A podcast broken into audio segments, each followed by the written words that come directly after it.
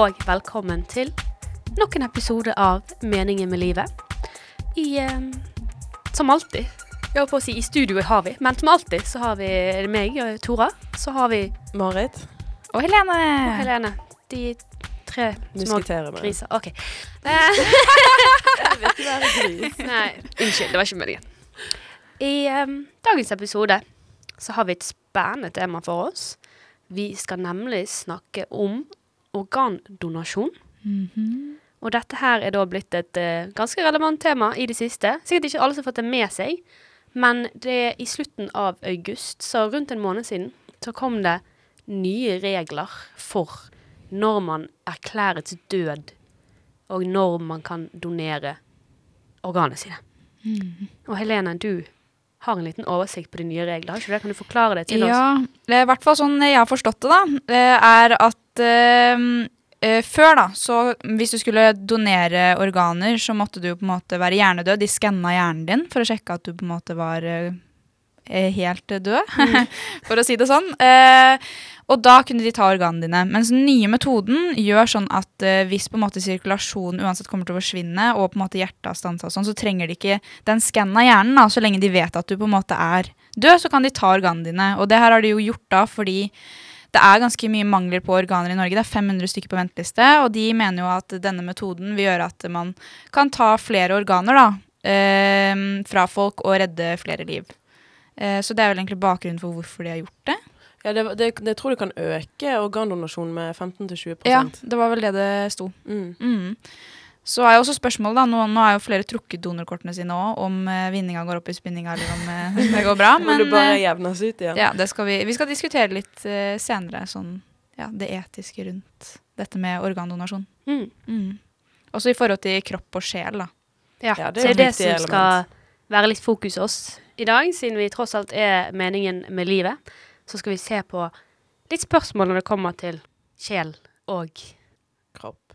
Ja. Jeg, jeg lette etter et høyere ord enn sjel. Det var liksom Uh, er det noe høyere enn sjelen? Uh, Er det noe jeg vet ikke, det, det, det blir litt konkret og litt abstrakt, Ja, kan vi vel egentlig Rett og si. slett. Litt Mm. konkret og litt abstrakt.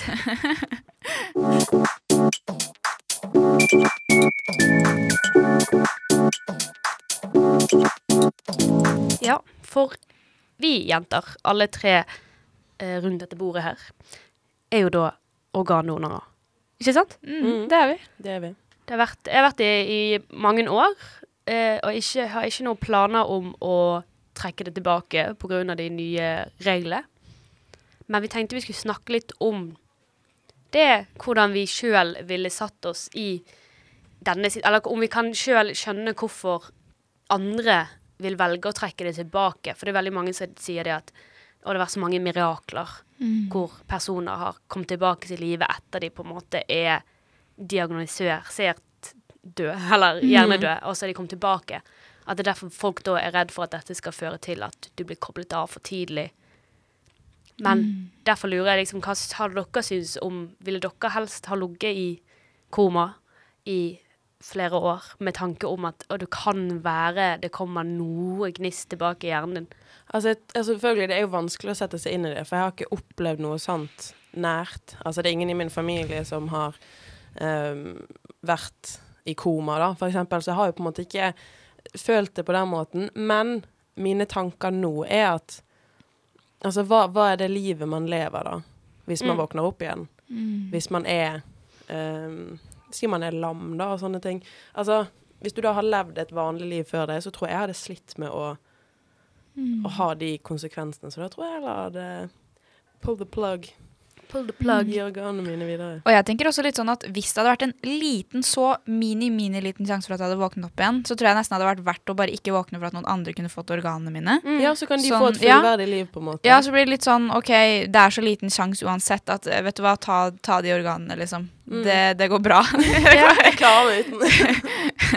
For jeg føler det også på en måte litt sånn spørsmål av hvor mye et menneskeliv er verdt. Også litt sånn er, mitt liv der jeg ligger i denne komaen i flere år i håp om at jeg kanskje en dag kan våkne, eller eh, på en måte kunne ha en viss bevissthet. Er det viktigere enn eh, alle disse personene da kan ende opp med å faktisk donere organer til, som kan leve fullverdige liv. Mm. I de 15 årene som du på en måte da tar fra dem hvor de ligger på sykehuset og venter på en organ. Eller at organ. de dør. Ja, at de dør fordi Ja. de sitter og venter på at noen skal donere, men så nekter du for at ditt skal bli donert fordi du tenker kanskje om 20-30 år så våkner jeg mirakuløst i et liv du ikke kjenner igjen engang. Det er jo liksom Hvor mye skjer ikke liksom Jeg er jo 26 år nå. Hvor mye har ikke skjedd i løpet av mitt livsspann? Om jeg da skulle havnet i koma i dag og våknet opp om 26 år til. Ja, nei, det er jo helt utenkelig. Mm. jeg syns det er deprimerende å bli gammel, for jeg har ikke lyst til å leve i 50-årene. Så jeg, er sånn, jeg har ikke tenkt å ligge på respirator til jeg blir 50, og så må jeg leve i 50-årene. Er sånn. Men jeg tror litt av problemet noen har med det her, er jo at kanskje litt den derre når er man død, og når er man ikke død? Uh, fordi jeg tror liksom folk kan være redde for at hvis de er kobla til en respirator, at de på en måte ikke ville definert seg selv som død, når det uansett ikke er noe håp igjen. da. Mm. Fordi hvis man skal sammenligne den gamle og nye metoden, så er det i hvert fall sånn at fram til da så har det vært noe som har hett donation after brain death, så du vet at du er hjernedød ikke sant? når du blir tatt fra organene. Mens de nye reglene står for control donation after circulatory death, som vil bare si at sirkulasjonen din har stoppet. Mm. Og da har vi snakket eh, med en, eh, en som er mer ekspert enn oss på det her, som, skal, som kommer litt senere i sendingen, eh, hvor han sa at i praksis så er det egentlig ikke noe forskjell på disse to tingene, fordi at det får samme konsekvens uansett. da, At Mm. eh, du vet på en måte at en blodsirkulasjon har stoppet, og du kommer uansett til å være borte. Men så er det jo litt det her med når er man død, og når er man ikke død, som jeg tror kanskje folk syns er litt skumlere. da, At hvis du ikke vet at du er helt hjernedød, så er kanskje folk litt redde for det her med mirakler, og at du plutselig skal stå opp igjen. Jeg vet ikke. Mm. Men logikken i det er vel også det at hvis du blir koblet av maskinene når du ikke har sirkulasjon, så vil det lede til at du blir hjernedød. Mm. Det er bare at du har ikke kommet dit Ja. Det er sirkulasjon som har stoppet. Men hvis du hadde blitt koblet av, så hadde du blitt hjernedød, for hjernen hadde ikke fått oksygen. Så det er liksom litt at du kan ikke leve videre, selv om hjernen ikke er nødvendigvis død. Men du Men ville dere tenkt, hvis dere lå på respirator, og dere visste det her, at uh, hvis den kobles fra, så blir jeg hjernedød, ville dere definert dere selv som død? Det kommer jo an på om du Du har en Du en når du kommer den fra, da. Ja, for vil jo nei, jeg vil ikke si at jeg dør når du har den på. Det er jo samme som Ja. folk som Det er jo veldig mange som er avhengig av maskiner, da, for å leve eh, til en eller annen grad. Men spørsmålet er vel om du er i bevissthet, hvis du ligger i Ja, koma, det. på koma på grunn av det. Liksom, det er jo én ting hvis du er koblet til disse Mm. og du fortsatt er med bevissthet. Men hvis du er liksom helt vekke. Mm. Men så er det også litt sånn Jeg tenker jo også på Og det er jo kanskje litt sånn ignorant å tenke det, fordi at man har ikke opplevd det sjøl før. Men meg personlig, sånn som jeg lever med mitt sinn i dag, så ville ikke jeg likt å leve i et verden hvor det eneste på en måte fungerende organet jeg hadde hatt, er bare hjernen min. Mm. Allikevel, Hvis ikke jeg kunne fysisk uttrykke meg, eller ikke kunne snakke, og ikke sånne type ting. Men det er selvfølgelig no, for noen så er jo det et, en helt grei måte å leve på, men jeg vet at med meg sjøl og mitt, hvordan mitt hode fungerer, så hadde ikke det hadde blitt gal. Jeg hadde blitt Ja, vi har ikke nok hjerneaktivitet fra før engang. Hvordan skal skulle vi bare jeg underholdt oss med hjernen? Jeg hadde gjort meg sjøl gal. Jeg hadde, jeg hadde oppriktig bare måttet Ja. Ja. det hadde blitt for mye. Tenk å ikke kunne fysisk ut Liksom Du har aldri mm. Hjernen din bare koker. Du bare sånn Du kan ikke Du har en sang på hjernen. Oh, oh, har en sang på hjernen så lenge og ikke kan liksom Nei, synge det er. Helt forferdelig. Men litt brannfakkel. Jeg syns de som trekker eh, organkort, organdonorkortet sitt, er megaegoister. Jeg vet ikke om det er en så stor brannfakkel, egentlig, for jeg er enig. Ja, men jeg tror Ikke i det er Ikke her. megaegoister, da. Eller jeg ville ikke brukt det ordet. Jeg ville kanskje sagt Jeg de ville burde sagt sjekke reglene litt bedre, for å faktisk se på forskjellen. Nei, men jeg syns det er egoistisk. Ja. Fordi s- altså, det er så mange som sliter og har et forferdelig liv fordi de mangler et organ på en eller annen måte, eller de har nyresvikt, eller hva søren. Altså, det, ja Ha nå det kortet, da, for guds skyld. Jeg føler litt sånn sånn der eh, em, eh, Faraoer fra Egypt og sånne ting som skulle liksom begraves med gullet sitt. De bare sånn Ingen skal ha dette her. Dette er mitt gull. Nå dreper jeg hunden min. Han skal inn i her også. Um, det er litt det er sånn Ja, det greie. jeg skal ha disse organene mine, for faen. Du trenger Grav ikke meg det. med de. Det er sånn Du trenger det ikke. Altså, jeg er veldig sånn ta alt. Ta huden, ta øynene, ta hår. Alt. Up for grabs. Up for grabs. Og hvis ikke jeg får lov til å donere det av en eller annen grunn, bruk meg i Mm. forskning. Ja, jeg skal jo Jeg har tenkt å bli kremert, så jeg tenker da brenner det jo alt. Så kan Mm. du like å ta det du vil ha først. Her er en liten fun fact, holdt jeg på å si. Vi lærte om det på skolen i fjor, om et eh, sånn gravingsprosjekt hvor noen i, på Sørlandet hadde exposa at eh, en avdeling hadde stjålet øyer, eller øyne, fra døde folk. Fordi det var, de mangla et eller annet greier i øynene som gjorde at flere kunne få synet tilbake. Men så hadde de liksom mangel på det, da. Så de hadde begynt å stjele fra lik og ta de delene av øynene, og så putta øynene tilbake igjen etterpå, da. Og så ble det her uh, exposa. Det var jo på en måte egentlig ikke etisk veldig greit, men du fikk jo redda liksom veldig mange gjennom den metoden, øynene mine, jeg Eh, trenger ikke når jeg er ja, så når de fant ut da, så Nå har de begynt å importere fra Danmark og gjort en sånn reform i helsevesenet som gjør at de skal bli flinkere til å spørre om eh, Spørre pårørende om Ja. de kan ta de delene fra øynene deres. da Men eh, så, ja. Plutselig så ender det opp med at det blir stjeling av organer hvis ikke vi folk vil donere. Da. Ja, men Pouch faktisk. folk. Det er jo folk som, The black market. som selger Oh. levrene sine, nei, nyrene sine for PlayStation og greier. Ja. det er verdt det, ass. Det er totalt verdt Det det. er faktisk verdt det. Men det er en investering.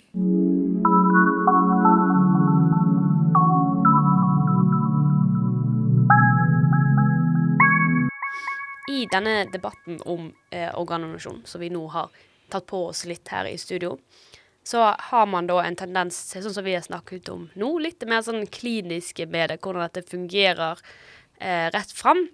Men det som vi her i studio også syntes var litt spennende med denne debatten her, da, var jo kanskje det litt mer spirituelle i det med når man på en måte Når man dør, og når man er vekke fra denne verden. Om det er veldig enkelt å kunne måle på et papir når personen er død, eller om det er noe mer til det. Så derfor har jo vi Ja, vi har jo snakket med en eh, professor i religionsfilosofi og systematisk teologi. Fancy, fancy. Eh, han heter da Marius Tinman Mjåland. Eh, og han har vært med i en sånn forskningsgruppe på UiO som har hatt en sånn livsvitenskapssatsing. Og da kan jo han en del om det med etikk rundt organdonasjon. Og så hadde han noen veldig interessante perspektiver på det her med organdonasjon i forhold til kropp og sjel. Og da har vi da snakket med denne professoren, som har eh, en del interessante perspektiver på det.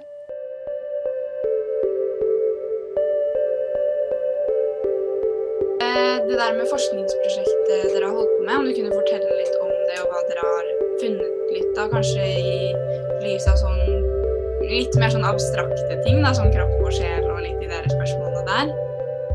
Ja, det er noe som jeg er veldig interessert i, som medisinerne ikke er så veldig interessert i i forskningsprosjektet. Eh, altså, eh, der er det to veldig forskjellige sider ved dette prosjektet. Eh, du har en medisinsk og dels biologisk side ved det. Og så har du som jobber, vi som jobber med etikk, og både fra filosofi- og teologisiden. Og der, kan du si der kommer spørsmål om, om, om kropp og sjel og sånt noe inn i forhold til det. da. Og det, Disse filosofiske spørsmålene tenker jeg er veldig viktige som sånn for å forstå hva døden er, og hva det er vi, vi snakker om i forhold til død og liv. Det er veldig forskjellig hva folk eh, knytter til nettopp eh, spørsmål om liv og død. I legevitenskapen, og kanskje i naturvitenskap generelt, så er eh, sjelen nesten forsvunnet ut. Altså, altså, til og med bevissthet har man så vanskeligere med å forklare hva det er. Så man, man reduserer det til sånne eh, nervesignaler i hjernen, for de kan man jo måle. De kan man, de kan man eh, finne i, i et eh, laboratorium. Eh, og du kan sette instrumenter som, som avdekker eh, at det faktisk skjer en respons, at, det skjer en, at man oppfatter noe i verden rundt seg og sånne ting. Eh, men man er jo egentlig like langt når det gjelder dette som jeg tenker er veldig grunnleggende for mennesker, men antagelig må jeg vel si også for dyr. Altså For mange bevisste dyr, ikke sant. Dette med en form for sjel eller en bevissthet eh, som, som gjør at man kan forstå, oppfatte, tenke, eh, respondere sosialt. Altså Alt dette henger jo sammen med, med det som jeg vil fortsatt kalle en sjel, da, selv om mange har forklart at det fins ikke lenger. og er min oppfatning da at eh, både naturvitenskapen og en del mer sånn teknisk orientert filosofi, eh, de går glipp av selve fenomenet liv ved å bare knytte det til naturalistiske forklaringer. Altså både evolusjonsteori og, og funksjon og nervebaner og den type ting. Alt det er viktig, og det er veldig presist beskrevet. Men det er litt sånn som når du ja, det fins en, en eh, interessant filosof som het Hussel, som levde for ca. 100 år siden, og som eh, beskrev vitenskapenes krise, som han mente virkelig.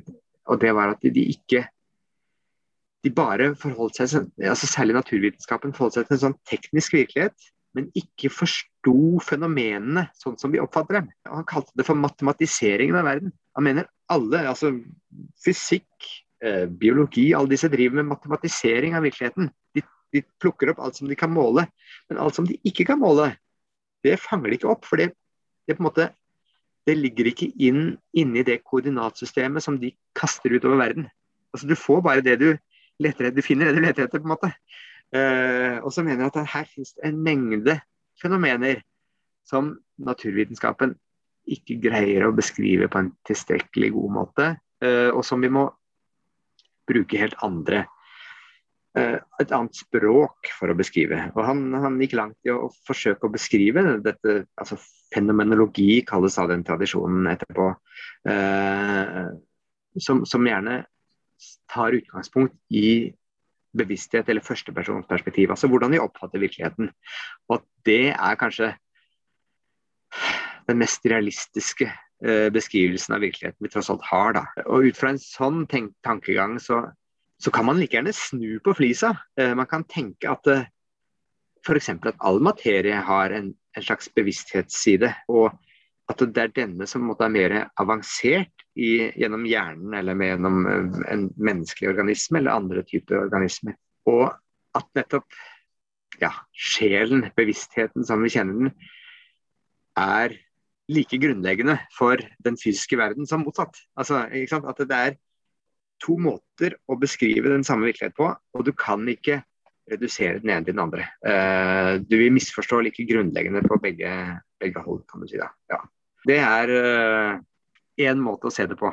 og I forhold til uh, liv og død, så blir jo dette kanskje enda mer sånn, litt sånn prekært, for det blir en sånn grensesituasjon. Man spør OK, er døden bare noe som skjer i kroppen, altså i organismen? Eller er det et visst punkt hvor bevissthet opphører? Og kanskje bevissthet Altså, hvor menneskets sjel, dets personlighet eh, Og da er spørsmålet fins det noe annet man f.eks. kan gå over? Fins det en, en, mulighet for et liv etter døden? Fins det en, eh, en, side ved virkeligheten som ikke er bundet til materien, og som likevel er virkelig? Um, og der kan du si der støter vel da empirien og naturvitenskapen litt mot sin grense. Men jeg tror at hvis ikke naturvitenskapen åpner seg for den type både filosofi og teologi, som jeg tenker, eller også uh, ulike religiøse perspektiver på virkeligheten, så får vi en inhuman uh, medisin og en inhuman virkelighet, rett og slett. Altså. For, jeg tror at nettopp den oppfatningen vi har av menneskelivet, men også av døden, får betydning for hvordan vi behandler mennesker. og Hvordan vi, vi, vi responderer på andre mennesker og deres behov. Og jeg ville nok neppe gjort forsøk på å oversette f.eks. Søren Kirkegårds eksistensbegrep til medisinsk terminologi. Det tenker jeg det er fånyttes. Men jeg tenker at medisinere bør ha god nytte av å lære om begrepet angst, om begrepet eksistens. Eh, og se på en måte tilværelsen fra det perspektivet. I det siste har jeg også begynt å tenke det som ganske viktig for f.eks. Eh, vårt forhold til omverdenen, miljøet eh, og, og, og, og, liv på kloden på, den, på det nivået. Da. Eh, for hvis, hvis, vi har en altfor naturalistisk forståelse av virkeligheten, så er det mye lettere å bare se det som død natur, eller døde omgivelser. Eh, og med døde omgivelser kan man gjøre nesten hva man vil, altså.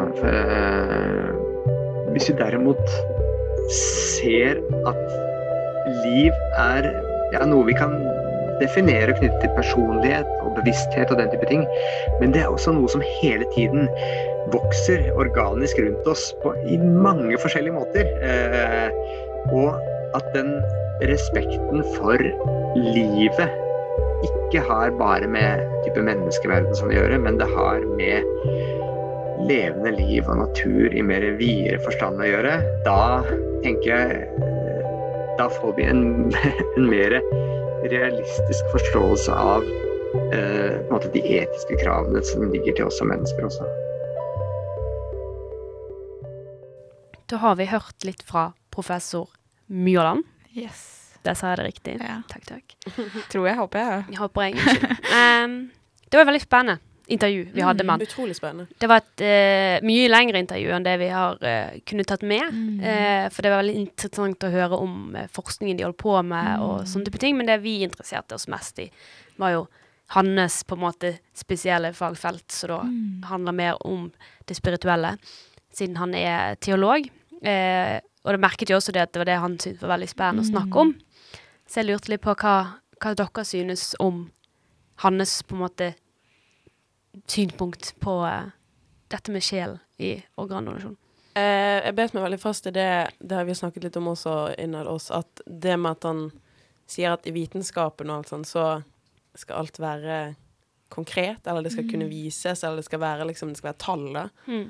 Eh, og jeg tror det er veldig mange som er enig med det han sier, at vi må fokusere litt på det som ikke er så lett å definere.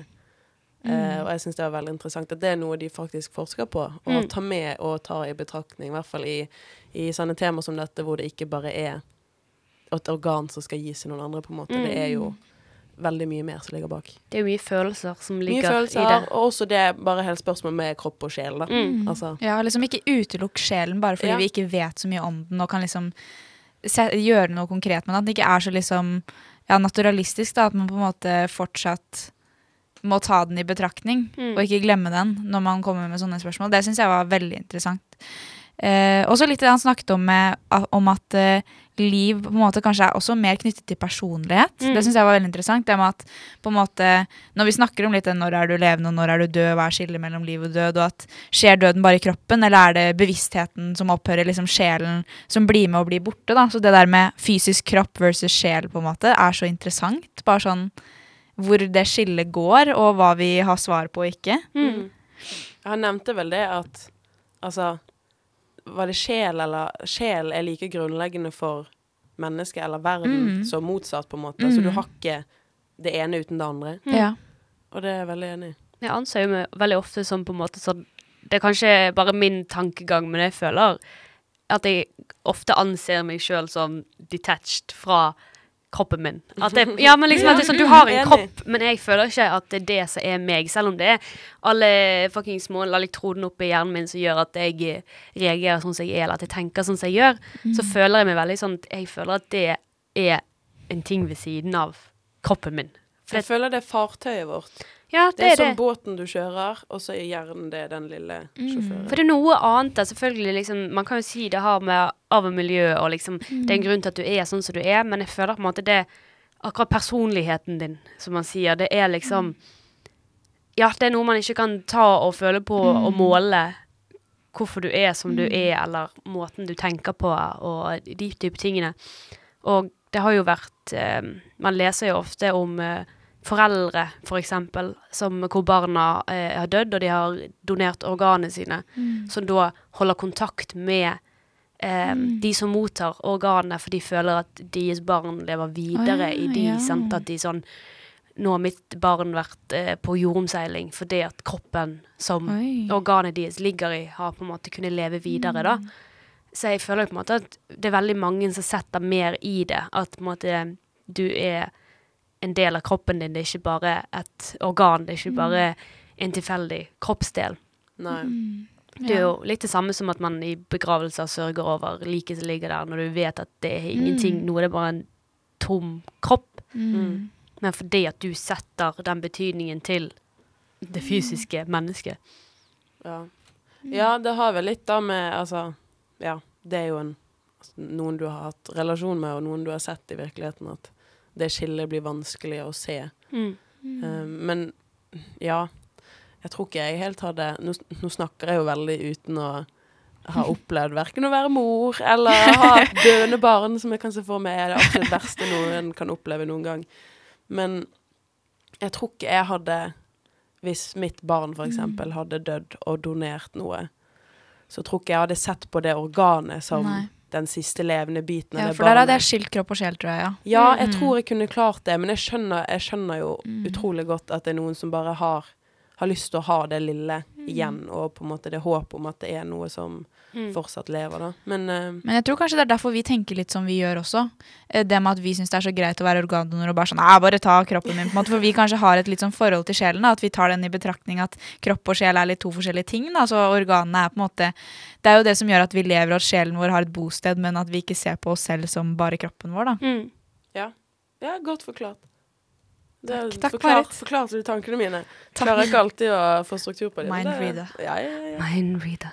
Ja, det er bare det at du har et sted å putte sjelen. Mm, Og det er jo litt samme for Det er jo en helt annen debatt, men eh, for eksempel folk som er født i feil kropp, så er det jo litt samme som at sjelen deres har blitt plassert i feil Mm. kjøretøy.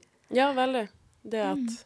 Ja, du må pusse det opp litt, Pusse, pusser opp litt. så får du det på riktig, riktig kjør. Mm, Men ja, så i hvert fall veldig enig med det han sier, da, om eh, at eh, ja, kropp og sjel bør tas i betraktning begge deler, kanskje, da, når man Mm. eh, kommer til etiske spørsmål som har med organdonasjon å gjøre. Mm. Og jeg føler også litt der at der kan det jo være forskjellige syn på det. For sånn som mitt syn der er liksom det at ja, OK, men sjel forlater kroppen, så da er det på en måte at det er mer grunn til å på en måte skulle donere. Men jeg kan jo anta at andre personer er sånn Nei, men du kan ikke ta og koble de av for sjelen ligger fortsatt i kroppen. Og at det er ikke bare et fysisk menneske, men også et sjeleliv som lever. Og hvis du kobler de av, så forsvinner det. At man har på en måte obligasjoner overfor sjelelivet, og ikke bare for kroppen. Men på min skyld så er det mer sånn at jeg tenker at med en gang du på en måte forsvinner, f.eks. hvis du blir hjernedød, så er det også det an for min del an til da at da går sjelen din altså Da er ikke sjelen din lenger. Jeg vet ikke om jeg tror på reincarnation og at sjelen går videre, men Det får være en annen episode. ja, men da er ikke det som er deg Det er ikke det lenger. Mm. Det er bare den fysiske kroppen at du så å si uh, må se på det som noen som allerede er død. For personen du uh, elsker, er ikke i kroppen lenger. Mm. Det er bare en kropp.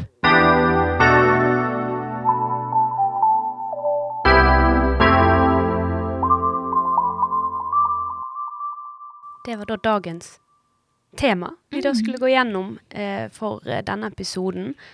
Vi har kommet fram til sjøl Ikke sjøl. Eh, det, det, det, det, det, jeg. God hjelp. Ja, med god, god hjelp og eh, Det er forsket på. At det er ikke Det er ikke en så stor forskjell som man skal ha det til, denne nye regel som har kommet. I praksis så fungerer det mye som det gjorde før. Så til alle der ute som har eh, trukket eh, kortene sine, eh, ta og send det inn igjen. Ta og Send de Vær inn en igjen. Tommy. Og hvis du ikke har vært organdonor før, Gjerne bli det. gjerne meld deg opp som organdonor. Du Det- trenger det ikke uansett. Eller gjør Hæ?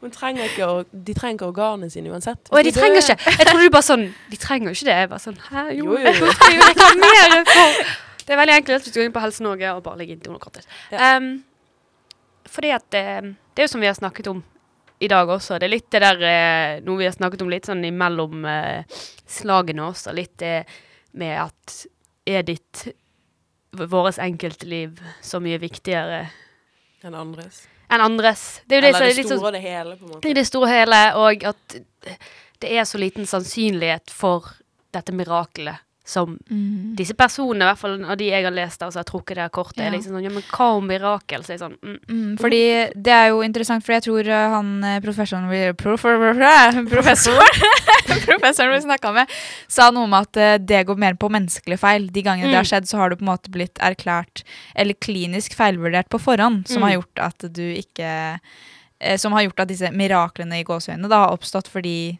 du faktisk ikke var så hjernedød som du trodde. Men det skjer ikke i disse liksom Nei. Når de kliniske erklærer deg død nå, så er du død, altså. det, det er sånn som skjer i Amerika. Det, Ja, altså, ja, det er det. film. Ikke På film. Ja. Men ja, så mm.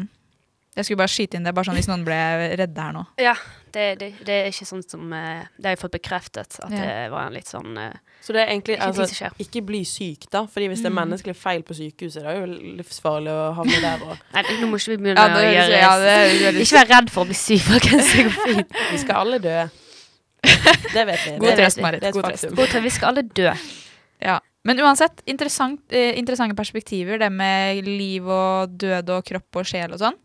Eh, men så lenge du i hvert fall selv kanskje føler at eh, sjelen og kroppen er to forskjellige ting, Mm. så burde du ikke være redd for å donere organer. Nei. Nei, litt sånn nestekjærlighet, da. Ja. Blir det jo. Litt, det er nestekjær... Det er rett og slett det. Ja. Nestekjærlighet. Bry deg og- litt om noe mer utenom deg selv. Ja. Man trenger ikke gå til døden med organene sine. Nei. Det er en Du ting. trenger de faktisk ikke, Ikke. i det hele tatt. Nei. Man men så har de selvfølgelig litt sånn religionsspørsmål, da. Men det Mm, kan mm, ja, det må man jo ta i betraktning selv. Da. Hvis man er religiøs, selvfølgelig, så kan man jo respektere at noen ikke vil gi organene sine vekk.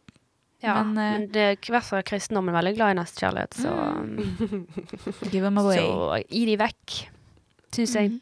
Og så kan vi jo kanskje seinere i en annen episode diskutere hva vi sjøl tror skjer videre med denne sjelen som Etter vi vi dør. har kommet fram til at Ja. en ting vi eh, er ganske sikker på er Om det er en sjel eller det er noe annet, så Mm. har vi noe. Mm. Eh, så har vi noe liggende Altså. Eh, men det blir en annen diskurs, rett og slett. Jeg syns det var veldig spennende å diskutere det her, og en god sending med gode perspektiver. Mm. Ehm, følg oss på Instagram, folkens. Mm. På mml.srib. Nei, understrek. mml-srib. Ja. Ja. Og meningen med livet der Og- du lytter til podkast. ja, det var det jeg skulle si. OK. Da er det bare takk for oss. Takk Takk for oss. Skriv dere oss opp som organdonasjoner. Ha det! Ha det!